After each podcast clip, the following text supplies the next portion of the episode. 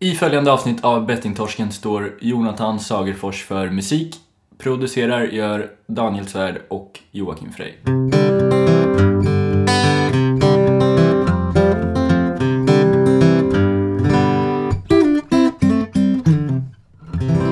Då eh, ska vi känna oss varmt välkomna till Bettingtorsken och idag har vi med oss en gäst. Yes, Välkommen. tack. Vi brukar alltid kasta över direkt sådär och så frågar vi vem är du? Så får du lägga ut texten själv. Ja, okej. Eh, Staffan Lundvall heter jag, från Eskilstuna. Jobbar behandlande med spelberoende då, men även annat beroende. Men på en eh, öppenvårdsmottagning som heter Beroendemottagningen Vägen. Mhm. Där vi är tio stycken behandlare som jobbar med substansberoende och spelberoende. Då. Mm. All right. Eh, förutom den professionella delen, har du något som du sysslar med i livet som du vill eh, berätta om? Någon hobby kanske? Eller? Nej, egentligen inte. Jag har ju ganska stor familj. Jag börjar ju närma mig 60 så att det, Mm. det är ju liksom barn och barnbarn. Både biologiska och bonusbarn och barnbarn sådär. Så att Mm. det tar rätt mycket tid. Trivs att vara hemma med familjen och sådär. Så att, Ja. jag har precis köpt hus också så vi ska flytta Mhm. i början av juli. Eh, lite mer ut på landet. Det ska bli jätteskönt. Sådär. Lite lugn och ro när man är ledig. Ja. Grattis. Men Tack. i Eskilstuna då? Eller Ja, utanför? utanför, lite? Eskilstuna Ja, precis. Härligt. Du, jag tänkte höra bara, är det här vägen du pratar om? Är det, alltså är det något, det är kommunal eh, Ja, det, det, verksamhet? precis. eller? Det är, kommunal, eh, det är kommunens beroendevård då, om man säger. Ja, okej. Så att, eh, ja, precis. Vi- är en del av en enhet som jobbar mot eh, klienter som har beroende då, om man säger. Så att det finns även lite sysselsättningsverksamhet och andra delar så att säga. Men eh, vi jobbar just med samtalsbehandling då, på vägen. Okej. Mm. Men kan, kan du berätta lite vad, vad det är? Det, är det? Hur länge har det funnits och, och hur jobbar ni? Liksom? Alltså. Ja, precis. Eh, vägen startades väl upp eh, ungefär 2000. De började planera 99 tror jag. Sen så startades det 2000. Och, eh, och då var det två personer som, som jobbade där då med hade fått uppdraget att starta upp någon typ av samtalsbehandling inom kommunen. Då. Och eh, sen har det där funnits och vuxit. Så att eh, successivt har det blivit större och större. Så att nu är vi som sagt var tio, tio personer som, som jobbar där. Så att, eh, och uppdraget är ju egentligen att ta emot folk som eh, upplever att de har problem själva. Vi, vi tar emot som det heter på service också. Alltså att man kan söka till oss utan eh, att gå via någon socialsekreterare och få ett bistånd. okej. Utan man kan söka direkt till oss så att säga. Utan, eh, ja, egentligen att vara anonym. Men då eh, så kommer man till oss, eh, får ett infosamtal om vad vi kan erbjuda och man får berätta lite eh, om sitt eget problem och vad man upplever att man har problem med. Då. Och det innebär ju också att vi har ju inga direkta gränser för hur allvarligt problemet ska vara.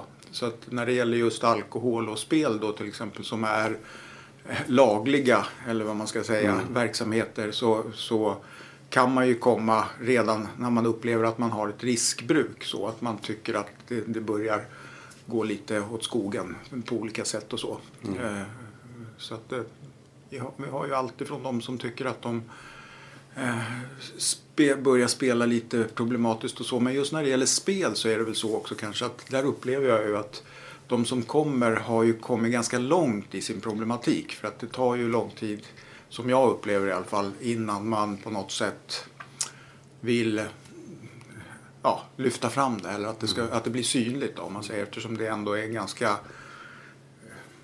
ja, osynlig, ett osynligt beroende då, om man säger. Det syns ju inte på utsidan som alkohol och narkotika på det sättet. Då. Så att De som söker till oss har ju utvecklat beroendet ganska långt. Okej. Vilka professioner är det som finns representerade på vägen? Ehm, vad, är det för, vad är det för folk som jobbar där? Egentligen har vi samma uppgift allihopa.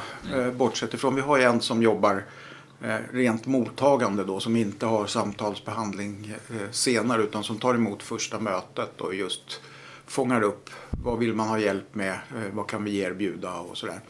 Och sen har vi en teamledare som eh, håller i de här övergripande eh, uppgifterna. Men eh, hon har också eh, lite samtal så därför att hon har varit samtalsbehandlare tidigare och tycker att det är så viktigt att jobba med klienter och så.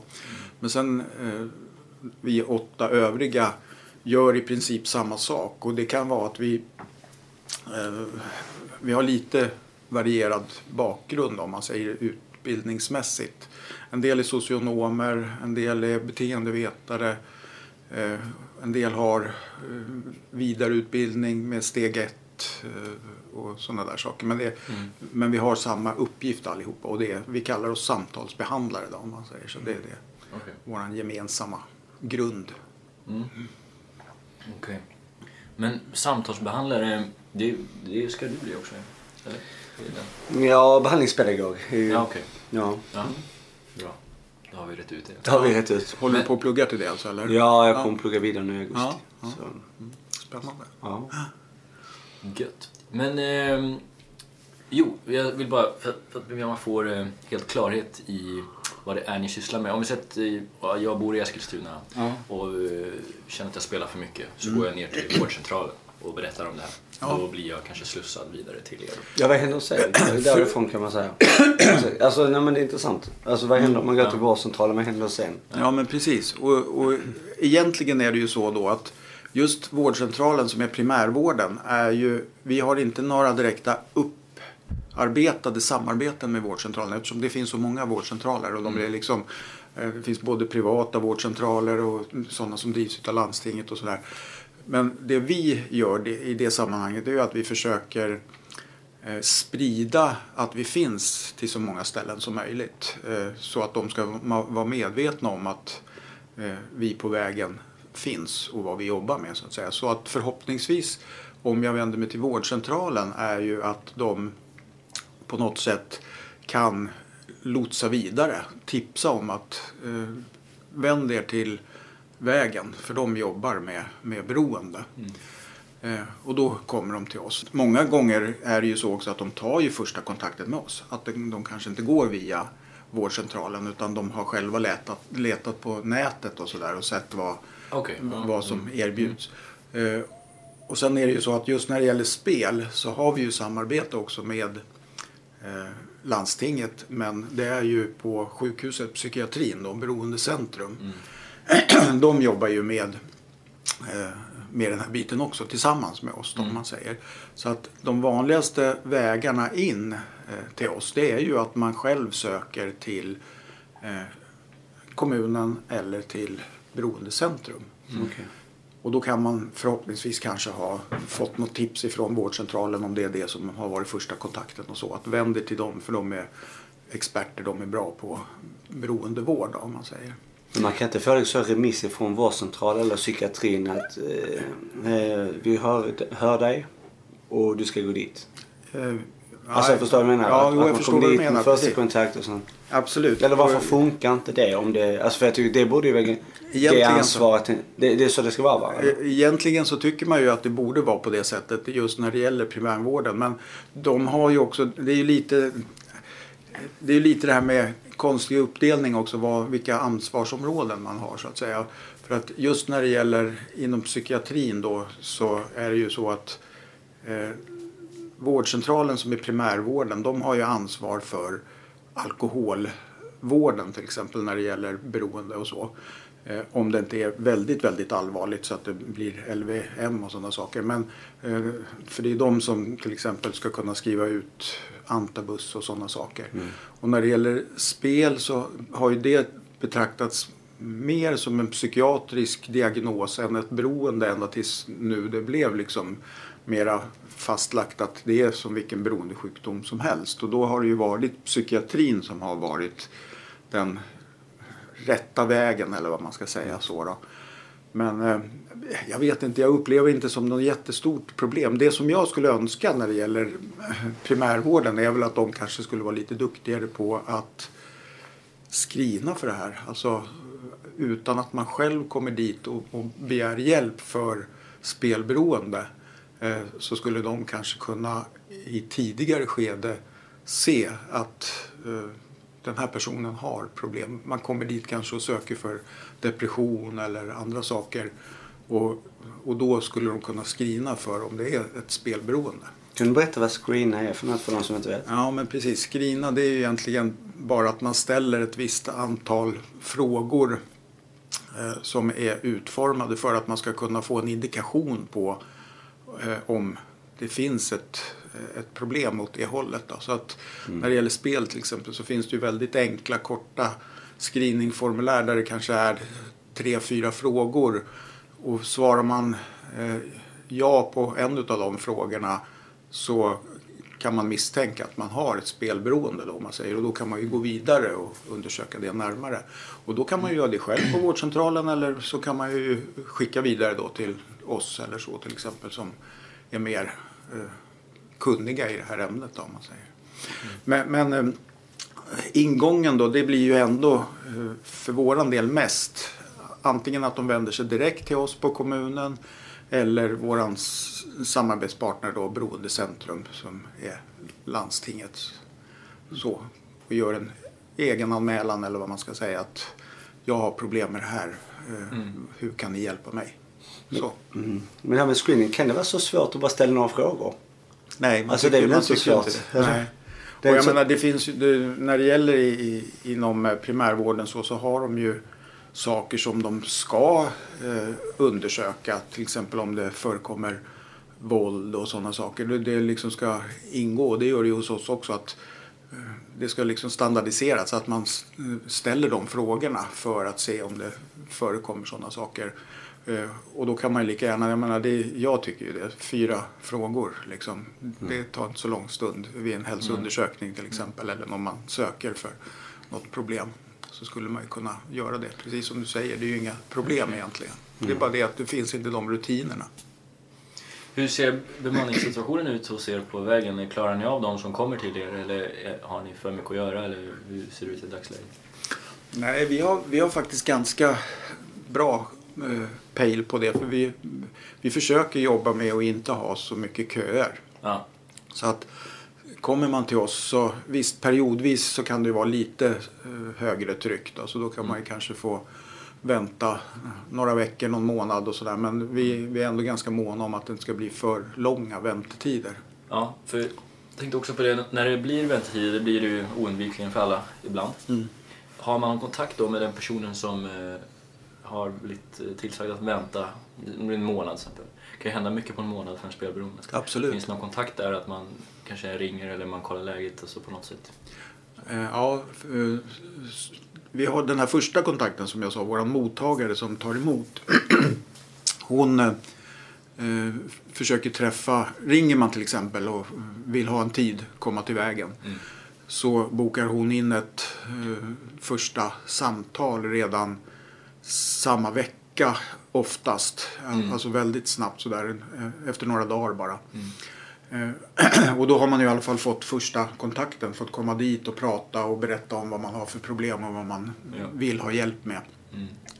Sen då när det gäller eh, nästa steg så har vi ju då, då blir vi fördelade på någon av dem som är samtalsbehandlare. Då.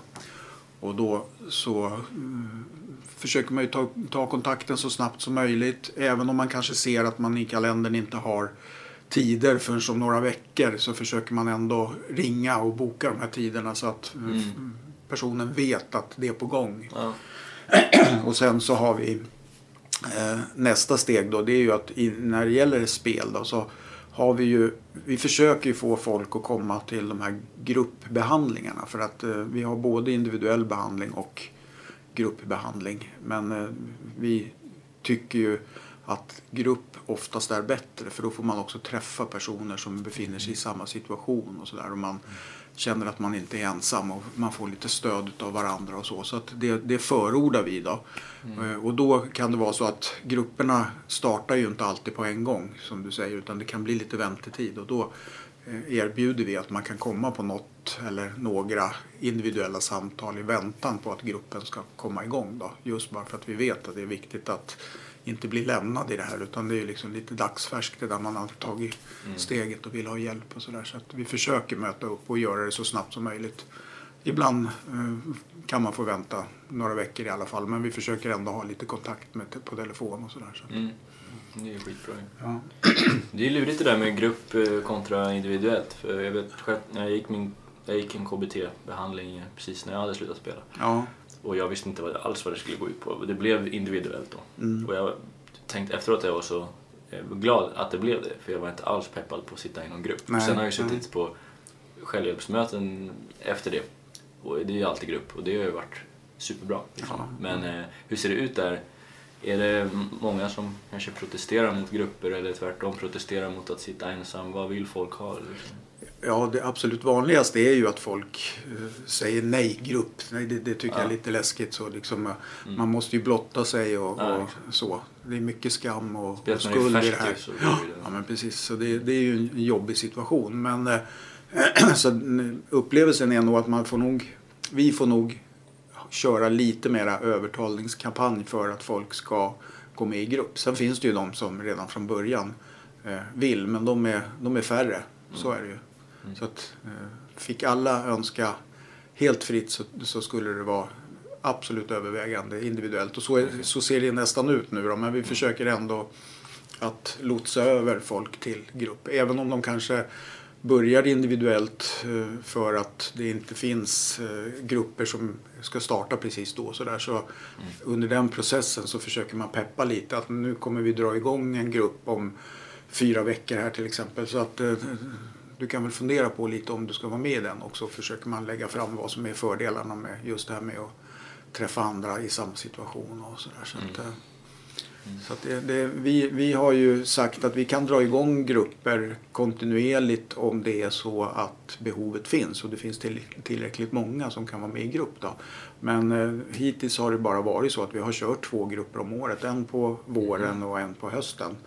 För det har varit precis att, att man får ihop så många som, som det behövs. behöver vi vara några stycken ändå för att Mm. få igång en grupp. Då. Det är ju bra. Det betyder att, den, att inte det är så många som spelar eller har problem med spel. Förhoppningsvis. Eller hur man Kan betyda det. Kan betyda Kan det. betyda- Jag, det- jag tror tyvärr inte att du har Nej, rätt där utan jag nej. tror nog snarare att det är folk, folk är, är rädda för att liksom söka hjälp och, Ja. och sådär. Men, Men du, kan du berätta för mig vad öppenvård är? Alltså, för de som inte vet. Liksom. Vad betyder det här egentligen? ja, öppenvård är ju just att det är eh, man, man kommer dit och träffar sin behandlare kanske en gång i veckan eller någonting sånt där. Sen lever man på sitt eget eh, vanliga liv då på sidan om. Eh, sen kan det se lite olika ut beroende på hur, vad man lägger upp för individuell plan tillsammans. Då, om man, men det vanliga Ni man kör träffas- individuella planer? Ja, precis. Mm, så, så, för att det kan ju vara... Eh, har man gått ett tag hos oss också så är det ju så att då kanske man inte behöver komma varje vecka utan då kanske det räcker med att man kommer varannan, var tredje vecka eller någonting sånt där för att få lite boost och prata om hur det har gått sen senast och liksom sådär. Men eh, det vanliga är ju att man åtminstone från start eh, har en tid i, i veckan då, om man säger. Sen för övrigt så, så lever man ju på som sagt på sitt vanliga liv. Det är ju skillnaden mot eh, att åka på ett behandlingshem Ja, till exempel exakt. där, där det blir på heltid. Sluten, liksom. det blir sluten. Slutenvård, precis. Det och det, så är det ju i Eskilstuna nu. Sen, eh, sen den här nya lagändringen eh, i januari 2018 då, så har ju vi beviljat, vi säger jag, men det är ju Eskilstuna kommun har ju i alla fall beviljat behandlingshem eh, ett antal tillfällen. Jag tror att det är fem, sex personer som har fått åka iväg på behandlingshem. Eh, och då brukar det oftast föregås av att man eh, hänvisar till öppenvården, man får försöka på hemmaplan så att säga och visar det sig att inte det räcker för att det blir ju trots allt eh, svårare att hålla den här kollen emellan eftersom man bara träffas en gång i veckan och sådär. Så att eh, det, det krävs ju ganska mycket av den som ska göra förändringen då om man säger att klara av det. Och går inte det då, man har gjort försök och så, så, så kan man ju bli beviljad behandlingshem då.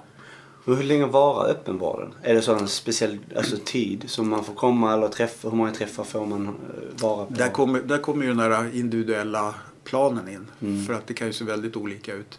Gruppbehandlingen den är ju fastställd om man säger. Den är ju åtta gånger. Man träffas och går igenom olika teman och, och naturligtvis pratar utifrån det som kommer upp i gruppen och sådär. Men det, den är ju ändå byggd efter en struktur så att säga. Så där träffas man ju åtta gånger och sen så brukar det vara någon uppföljning efter lite längre tid. Då. Och uppföljningarna kan vara ända upp till fyra gånger beroende på önskemål från de som går i gruppen. Om de vill ha det eh, förlängda stödet. Liksom, Det skulle man kunna kalla eftervård egentligen. kan man ju göra, precis. Mm. Ja, absolut. Just att man håller i. För det är ju det som är så viktigt det här med att det finns någonting efteråt. Men där har ju vi också eh, jättestor fördel av att vi har en sån här självhjälpsgrupp i Eskilstuna. Då. Spelberoendegruppen har ju startat där sedan ett tag tillbaka.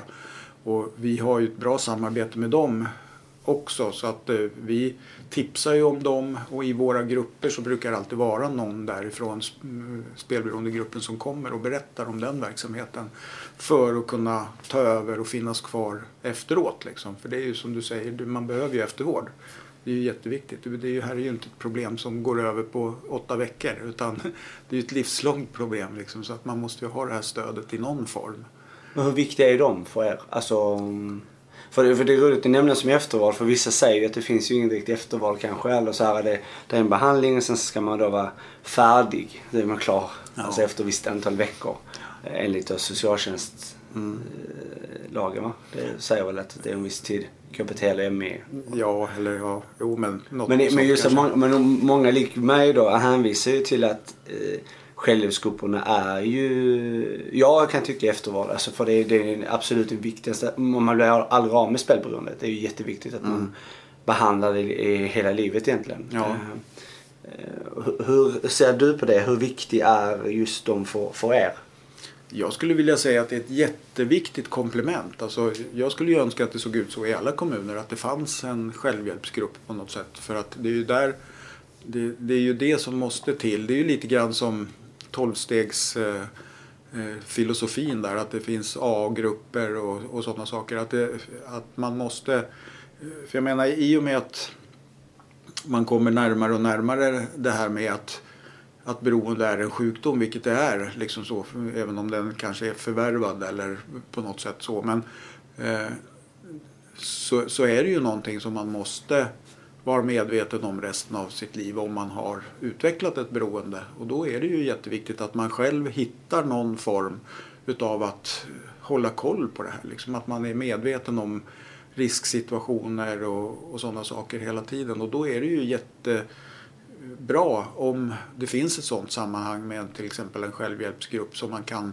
söka sig till när man känner att det är lite svajigt eller bara för att få träffas och få stöd och sådär och stötta varandra och så. så att, eh, vi inom behandlingen kan ju inte ha en livslång eftervård. Liksom, det går ju inte. Det, det skulle ju inte funka helt resursmässigt heller. Liksom, utan vi måste ju fokusera på den här eh, tiden när man genomgår behandlingen och den kan ju se olika lång ut beroende på behovet och sådär. Och det, förs- det försöker man ju hitta hur, hur mycket man behöver lägga ner resurser på det då för att man ska ha kommit så långt. Men just den här eftervården, där tror jag det är jätteviktigt med självhjälpsgrupper som, som finns som stöd. Ja, och därför blir också samarbetet er emellan superviktigt. Som du säger, ni kan inte Ja. ha det på livstid, men att det finns en kommunikation. Att, och de kan ju också, i det här fallet spelberoendegruppen, det finns många andra också, att man, man kan lära sig mycket av er. Ja, Som trots allt är professionella liksom, och utvecklas på ja, sitt håll. ja men absolut. Eh, Men apropå samarbete, så ni får ju mycket cred för just eh, den här samarbetsdelen i er kommun. Ja, Eh, du tänker på just det här mellan eh, Beroendecentrum Ja. och eh, oss på kommunen. Ja. Precis. Vill du berätta lite om det? Vad, vad är det ni har, liksom har lyckats med som inte andra gör? Ja, alltså det vart ju någon typ av eh, situation för ett antal år sedan där det svävade lite mitt emellan vem som hade ansvar för att ta hand om dem som hade spelberoende. Då. Eh, jag tror att det var någon gång 2011 eller någonting sånt där som- det gjordes en missbruksutredning utav Gerhard Larsson eh, där han tryckte på att eh, landstinget skulle ha större ansvar för den här biten än som det såg ut då i alla fall. Och då bestämde Eskilstuna kommun att vi, eh, vi lämnar det här för vi hade jobbat med behandling för spelberoende redan innan dess då, om man säger i viss omfattning. Men eh, då, då tyckte vi att det blev så tydligt att nej, men det, det är ju landstinget som ska ta hand om det här. Så att eh, vi hänvisar till landstinget och de hamnade i en situation där de inte hade varken utbildning eller eh, resurser att ta emot. Så att då blev det tyvärr ett litet glapp på ett par år där man i princip inte kunde få någon hjälp alls när det gällde spelberoende. Eh, och det där uppmärksammades väl på ett bra sätt i, i vår kommun, kommun i alla fall på det sättet att cheferna faktiskt bestämde att det här, så här kan vi inte ha det utan vi måste kunna erbjuda hjälp till de här personerna. Så då startades det ett projekt eh, 2015 var väl det tror jag som eh, just eh, blev ett samarbete mellan Beroendecentrum och kommunen. För att vi insåg ju då att kommunen har ju kunskapen. Vi har ju behandlingskunskapen så. Och, och är det nu landstinget som ska ta emot de här personerna så får vi väl vi se, se till att hjälpa till så att det blir ett, ett bra bemötande i alla fall, att de får hjälp. Och då startade det och då var det så att då fick man ändå bara söka via Beroendecentrum, landstinget alltså. Det var dit man skulle vända sig när man hade spelproblem. Sen så var kommunen med som en samarbetspartner och erbjöd vård och då var det uteslutande gruppbehandling som erbjöds från början. Då. Det kunde i vissa fall var, mm, erbjudas enskilda samtal om det var någon som absolut inte klarade av att sitta i grupp och sådana där saker. Eh, och då var man tvungen att få en diagnos också via en läkare. Eh, alltid kontakt med en läkare först innan man blev beviljad behandling om man säger. Sen så har det där under året då eh, utvecklats och vi har fortsatt att samarbeta och så. Och sen då nu när det blev det här med lagändringar och så eh, förra året så eh, permanentade vi det här projektet så att eh, vi bestämde att nej, men vi, vi fortsätter så här. Även om kommunen då fick möjlighet att ta emot eh, personer direkt utan att de går via beroendecentrum så eh, fortsatte vi. Vi har chefer som tycker att det är viktigt och vi som jobbar med det tycker det är viktigt och vi försöker ha gemensamma träffar eh, flera gånger om året där vi liksom checkar av läget och stämmer av. Eh, är vi rätt ute eller behöver vi göra förändringar i upplägget och sådana där saker så att vi får en fungerande eh, ja, kan erbjuda en fungerande vård helt enkelt när det gäller behandling utav spelberoende. Mm. Så att nu ser det ut så att eh, både beroendecentrum på landstinget och vi på kommunen tar emot individuellt. Eh, och där försöker vi också göra en liten eh, egen screening så att säga om vad man passar bäst. För att eh, inom beroendecentrum på landstinget så har ju de större kunskap när det gäller psykiatrisk problematik. Så har man en, eh, en mer allvarlig psykiatrisk problematik och att man kanske till och med har eh, försökt ta livet av sig och sådana här saker så har man ju ett stort behov av att kanske ha stödet av en läkare och eventuellt medicinering och sådana saker. Då. Och då är det lämpligt att man eh, gör den här behandlingen på beroendecentrum. Medan om man har kanske någon annan typ av samsjuklighet med alkoholberoende eller att man inte har en så långt utvecklad psykiatrisk problematik så kommer man till kommunens behandlingsdel. Då.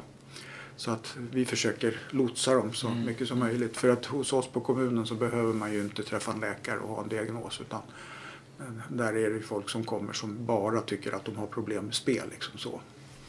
Men sen så lotsar vi emellan lite och sådär också när det behövs. Ja, jag ska ta en fråga. Jag måste ja, säga, annars glömmer den. Ja, bra, utförligt eh, Bra svar, tack så mycket. Jag fick ju verkligen en Vad bra. skarp bild av läget. Mm. Det var det jag ville Ja, bra. Du, jag tänkte, för det, det är ju lätt att det blir så här, äh, jag kan väl kalla det pajkastning ibland. Äh, vems ansvar är ja. samsjukligheten liksom? Mm. Alltså har den psykiska ohälsan, alltså psykiatrin kontra då. Alltså hur funkar det egentligen? För det är lätt att man bara äh, som spelare med då en samsjuklighet bara vandrar runt. Ja. Det bara liksom blir någon moment 22. Ja men precis. Det, det, och det, det ska jag inte säga är ett problem som inte finns i Eskilstuna. För så kan det se ut när det gäller substansberoende till exempel. Där, för där, där är det ju också väldigt tydligt att psykiatrin vill kanske inte i samma omfattning göra utredningar och sådana där saker så länge man har ett pågående missbruk. Och det kan jag väl förstå till viss del. Men samtidigt så kan det också vara bara ett symptom på att man har en psykiatrisk problematik då, om man mm. säger. Så att egentligen så skulle man kanske kunna fokusera på det i många fall. I första skedet så kanske missbruket skulle bli lite sekundärt på något sätt. Men eh, eh så att det förekommer lite pajkastning eh, även i Eskilstuna när det gäller sådana där bitar. Men just när det gäller spelberoende och den biten så tycker jag att det, samarbetet funkar jättebra faktiskt. Alltså så att man försöker ändå mm. gemensamt hjälpas åt för att det ska bli så bra bemötande som möjligt. För det är ju väldigt, det är väldigt svårt kan jag tänka mig, alltså också frustrerande för att just psykisk ohälsa med, med ångest och depression och allting som du har eh, med andra grejer också. Men just det här um, att um, man vet inte vad, vad var först. Liksom. Vad är spelberoendet anledningen till att det blev en psykisk ohälsa eller var det psykisk ohälsa som ledde till ett spelberoende? Nej men precis. Liksom. Det, är ju, det är faktiskt jättesvårt att, att, veta i många fall. För att om, om det är så att man självmedicinerar genom att fly undan i ett spelande eller, eller om det har vuxit fram. Liksom att man bara kanske är en nöjesspelare från början och sen så har man på grund av att man har hamnat i jättejobbiga konsekvenser utvecklat ett psykiskt dåligt mående. Det, det är som sagt var jättesvårt. Mm. Men det, vi försöker ju naturligtvis jobba med det i behandlingen och titta på uh, funktionen utav spelandet, var, varför man spelar och sådana där saker. Och då mm. kommer det ju många gånger fram. Och en del, som sagt som, som du säger, en del har ju kanske ett dåligt mående redan i grunden. Så att det kan vara det som gör att de har fastnat i ett, i ett spelande för att det blir en flykt eller vad man ska säga. Så. Hönan eller ägget Ja, precis. Det är, det är en klassiker. ja. kommer alltid att finnas. Ja, och det pratade vi om igår också lite grann. Vi kan ju säga att, till de som lyssnar, vi var på konferens igår eh, allihopa. Ja. Spel, eh, ja, precis. här i Stockholm. Och då pratade vi om, inte vi utan, vem var det nu då? Som pratade om kriminalitet och spel. Att man går från spelberoende och det skapar en kriminalitet men det kan också vara tvärtom. Ja, precis. Per Binde tror jag Per Binde. Ja. Det är alltid Per. Ja. Det är sådana kloka saker. Nej, men jag tyckte det var spännande för att det, det där har man hört många gånger, den debatten. Men så sa han ju om jag minns rätt att vi har inte forskat så mycket på det ännu, men det finns också motsatt väg. Liksom. Mm. Det ska bli spännande att se vad, vad de landar i. Där. Absolut, ja men precis. För att det, det, det, finns ju många bitar alltid så. Det är mm. svårt att, att, se på, på ytan hur det har uppstått och vart det ska ta vägen. Liksom. Men, eh, det finns ju säkert många, många mm. saker som man kan titta på där. Mm. Men jag tror det är också viktigt att veta om just det här när det gäller samsjuklighet. För att vet man om det som alltså i både kommun och landsting så är det ju mycket lättare med ett bra samarbete. Istället för att bara, nej men det är inte vårt ansvar. Mm. För det är väldigt lätt att man säger det, det är inte vårt ansvar, du får gå till mm. kommun. Utan bara, jag lyssnar, jag förstår alltså screening då. Jättebra. Eh, jag hörde du ska få numret dit. Mm. Alltså är du med istället för bara den här pajkasen, nej det är inte vårt. Nej, och så säger den andra, nej det här är inte vårt. Nej. Eh, så, så... För jag tror det, det här är nog väldigt vanligt i nästan de flesta kommuner och landsting i, i, i landet. Absolut, och det, det tycker jag det är ju en jättetråkig attityd på det sättet. För att jag menar, de flesta som söker hjälp har ju säkert gått väldigt lång tid och, och eh, det har vuxit fram. Det är ett stort steg att ta mm. och när man väl tar det steget så måste man åtminstone känna, tycker jag, att man eh, blir mottagen på mm. något sätt. Sen om man inte kan bli hjälpt dit man har vänt sig så måste man ändå på något sätt ta det ansvaret att hjälpa, att lotsa vidare som du säger. Ta reda på var, var ska du vända dig för att få den rätta hjälpen då om man säger sådär. Så att man inte bara slår ifrån sig. För det är ju, då kan det ju gå åt skogen. Liksom. Det kan ta lika lång tid innan man gör ett nytt försök att, att ja, ta hjälp. Ofta är man ju verkligen på botten när man ja. är i den situationen att man vill ta mm. hjälp. Mm. För då har det gått så långt så att det, det, finns, det är antingen det eller att ta livet av sig som gäller. Liksom. Ja, eh, och, ja. Så det, det är ju en väldigt viktig ja, fråga. Det, det, tycker jag också. Jag håller med dig. Det här är en sån sjukt viktig poäng. Nu har vi konsensus här i rummet men den är extremt viktig eftersom Ja men just det här, man är så otroligt svag alltså. Jag Mm. minns när jag gick till exempel självhjälp i Göteborg första gången. Ja, Alltså jag, det var många varv runt huset innan jag vågade gå in. Och tänk då om man hade blivit bemött med kyla eller några otrevliga... Nej. Ja, man, det hade tagit knäcken på en. Mm. Ja men det hör man ju många som har berättat liksom att, att eh, ja, men alltså, man har hört folk som går till psykiatrin och bara, man har du testat att sluta spela? Det hörde man ju, det är ju kanske inte så vanligt längre men då var det ju bara för något år sedan har du slutat spela. Mm. Eller har du tänkt på att sluta spela? Men alltså, ja Du hur vet, många alltså- gånger som helst. Ja, det, ja men man kan ju inte säga det liksom. Det är som så här, det var säg ju- till en alkoholist, har du slutat, har du på att sluta dricka liksom? Ja. Ja. Det var ju någon som hade sagt om du, om du skulle sluta spela så skulle många av de här problemen du berättade Ja. försvinna. Mm, ja men precis. Du får mer pengar då. Jättebra läsning. Men det var ju någon också apropå det här jag hänvisade till den här konferensen vi var på igår. Mm, Så mm.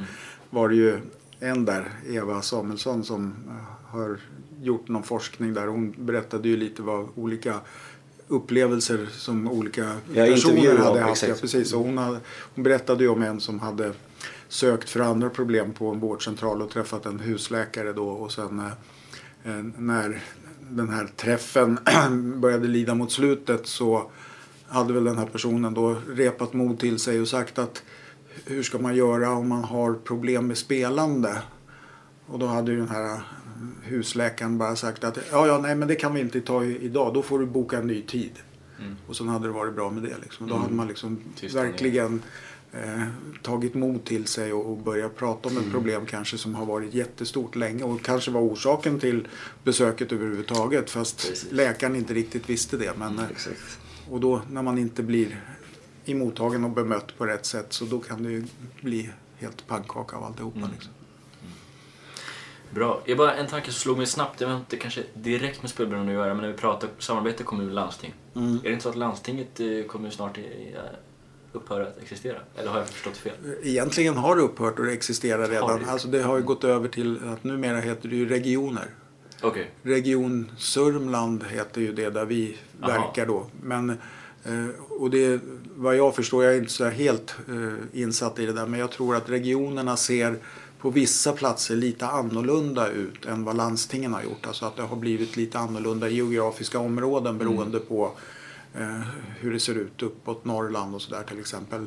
Men i, i Sörmland så är det likadant eh, som det var innan det blev region. Så att eh, landstinget Sörmland och region Sörmland det är motsvarande kommuner då om man säger som det var tidigare. Men, Ja, okej. Så att det Men- blir ingen större skillnad i det dagliga nej, för er? inte, inte som Nej. jag ser det i alla fall. Mm. Det är den enda skillnaden, eller enda förändringen som jag vet. Mm. Jag har inte hört att det ska försvinna landstinget eller så. Nej, det- utan det är mer bara. Misstolkning av mig, men jag läste något någon gång. Ja. Men du, jag hade en fråga, för det här är också en väldigt viktig del. Och jag tänkte höra bara hur ni hanterar det. Anhörigperspektiv och anhörig och medberoende då. ja, Är det något ni också jobbar med absolut. i vård? Det, det gör vi. Eh, det ligger ju i vårt uppdrag också att ta emot eh, anhöriga till de som har ett beroende. Och det, det går till egentligen på samma sätt.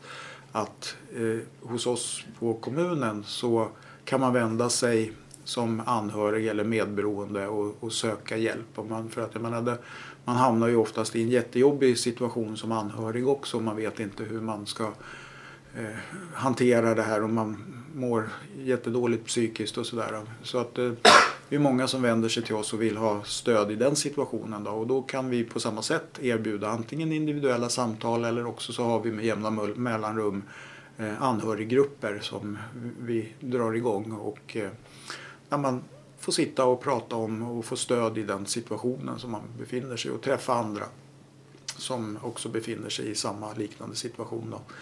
Eh, Så att vi, vi tar emot anhöriga och jobbar med dem. Och då, det, är, det är ju en grupp som faktiskt har vuxit skulle jag vilja säga. Alltså de söker sig till oss i större utsträckning eh, nu än vad de har gjort tidigare. Så. Men däremot så ser vi väl inte ännu någon jättestor anstormning när det gäller just spelberoende eller anhöriga till spelberoende. Eh, För där har vi också varit öppna för att dra igång grupper. Mm. Men vi har sagt också att vi, det, det, även om beroendeproblematiken kan vara ganska lika oavsett om det är substansberoende eller om det är spelberoende så har vi ändå sagt att eh, för att dra igång en, en grupp så vill vi ha bara anhöriga till spelberoende då, i den gruppen. Och så eh, många har det inte varit ännu så att vi har fått ihop någon grupp samtidigt. Så att säga. Utan de som har vänt sig till oss och varit anhöriga till spelberoende de har vi eh, mött individuellt då och stöttat i ett antal samtal och sådär. Berättat. Och det, det som jag kan se som en, den stora skillnaden egentligen eh, för situationerna är ju väldigt likartade ändå. Men den stora skillnaden är ju att anhöriga till spelberoende skulle jag vilja säga är mycket mer i en krisfas än vad anhöriga till andra eh, missbrukare är.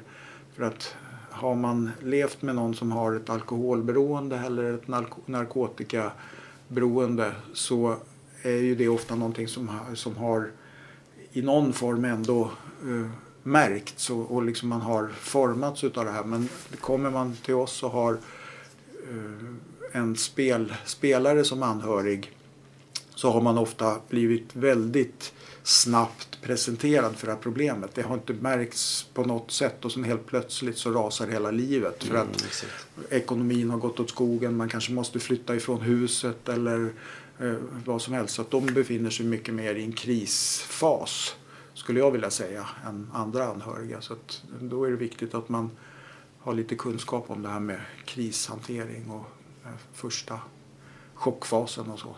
Det är väldigt viktigt att lyfta det. För Mm. det är bra, alltså det är bra att förstå skillnaden liksom.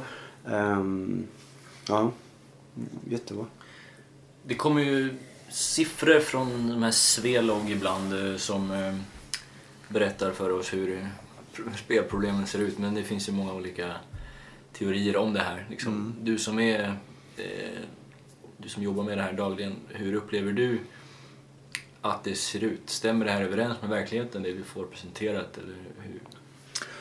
Du tänker på utvecklingen och, Ja, sådär. vilka alltså. som spelar Ja. och att det ökar och minskar på olika sätt och så här riskgrupper och så vidare. Jo, men jag tycker nog att man kan se att det avspeglas i verkligheten. Det som liksom kommer fram i de här undersökningarna. Och så, Mm. Det tycker jag.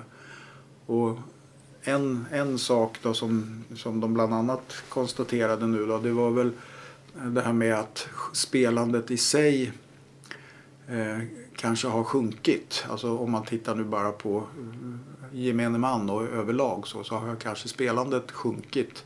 Medan eh, spelberoendet eller de som har hasardspelsyndrom som det heter. Men eh, att den gruppen har ökat lite grann och framförallt att de spelar för väldigt mycket mera pengar. Alltså problemen har ökat också inom den gruppen. Medan problem eh, generellt har, har minskat överlag.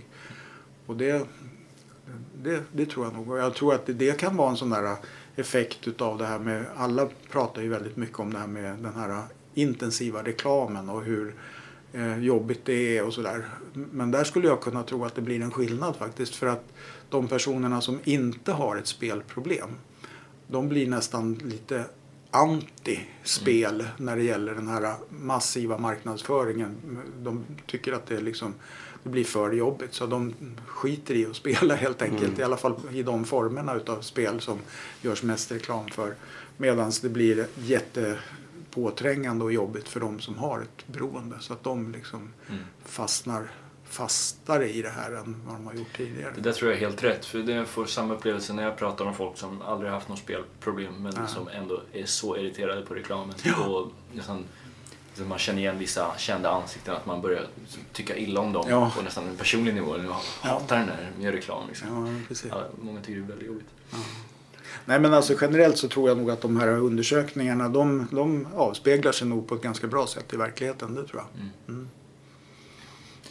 Bra, Mm. varsågod. Ja, jag tänkte på att... Eh, för, för, ja. vad, vad tycker du borde förbättras? Alltså, allting behöver förbättras. Allting. världen. I världen. Nej, men vad, vad, okej. Var ska vi börja? Var ska vi börja? Nej, men jag tänker mer alltså själva...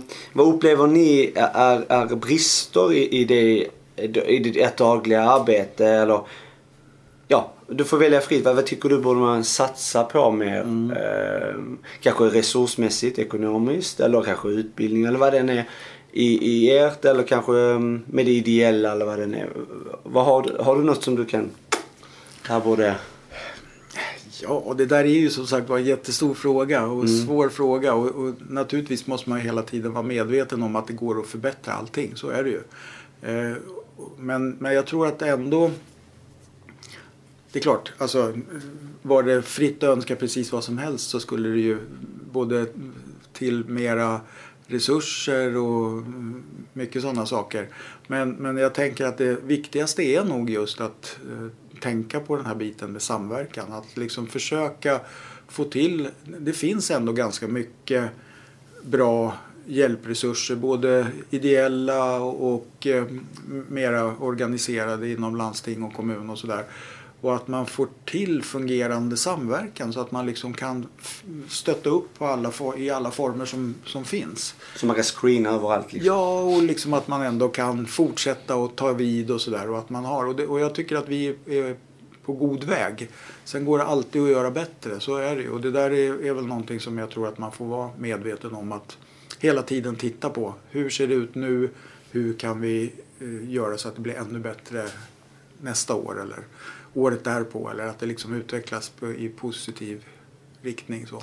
Får ni Men samverkan. samtal eller... Ja, förlåt. Ja, men samverkan som sagt. Ja, tror jag. sam- Men får ni samtal eller besök eller liknande från andra kommuner som kollar på er och liksom tycker att ni gör en bra grej och vill lära sig på det sättet?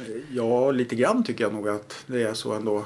Eh, Framförallt så är det ju fortfarande så att eh, vi, vi då, Region Sörmland, där, det är ju många kommuner och det Ja. är ju liksom ett antal kommuner som ingår i den. Eh, Och där är ju bara Eskilstuna en. Och eh, där har det ju varit så att eh, det, inte, det har inte varit lika utvecklat med behandling för spelberoende i de andra kommundelarna om man säger. Eller kommun, kommunerna. Så där får man ju lite samtal och lite kontakter från andra kommuner som vill ha lite eh, hjälp med att utveckla eh, i sin kommun då om man säger. Sen eh, är det ju som till exempel igår då på den här konferensen. Det är ju, uppmärksammas ju rätt så mycket av att vi har, att vi har ett bra samarbete i Eskilstuna. Eh, För att det finns ett intresse i övriga landet om vad, vad vi har gjort då för att det ska kunna funka lite bättre i alla fall än vad det gör i många andra delar. För att i, i många delar av Sverige som jag uppfattar det när man är ute och träffar behandlare från olika delar i landet är det ju ganska bristfälligt på många ställen. All, allhelst samarbetet. Jag menar det finns kanske numera eh, hjälp att få i, i de flesta delar av, av landet och så men eh, det ser ju väldigt olika ut och just samarbetet mellan landsting och kommun är det, ju- är det ju inte på så många ställen. Nej. Jag skulle jättegärna vilja att, att det kom fram mera bra exempel Mm. på den fronten så att säga. Ja, vi är med. Mm. Ja, det blir bakläxa Ja. för de flesta. Ja. Ha. Eh, tiden rusar iväg, som vanligt. Är det något du känner att vi eh, ska passa på att prata om? Som vi har missat? Ja, det Det, finns säkert men jag tycker det var, blev ett bra samtal så att eh, Ja. det känns väl bra. Vi har en liten rutin här på avslutningen. Vi Ja. brukar fråga, eh, då är första frågan, har du några roliga planer som du ska liksom, sätta tänderna i nu? Som du vill dela med dig av? Något som du är lite spänd inför kanske? Tänker du då på eh, Vad du vill. Privat pri- oftast. privat? Ja men okej.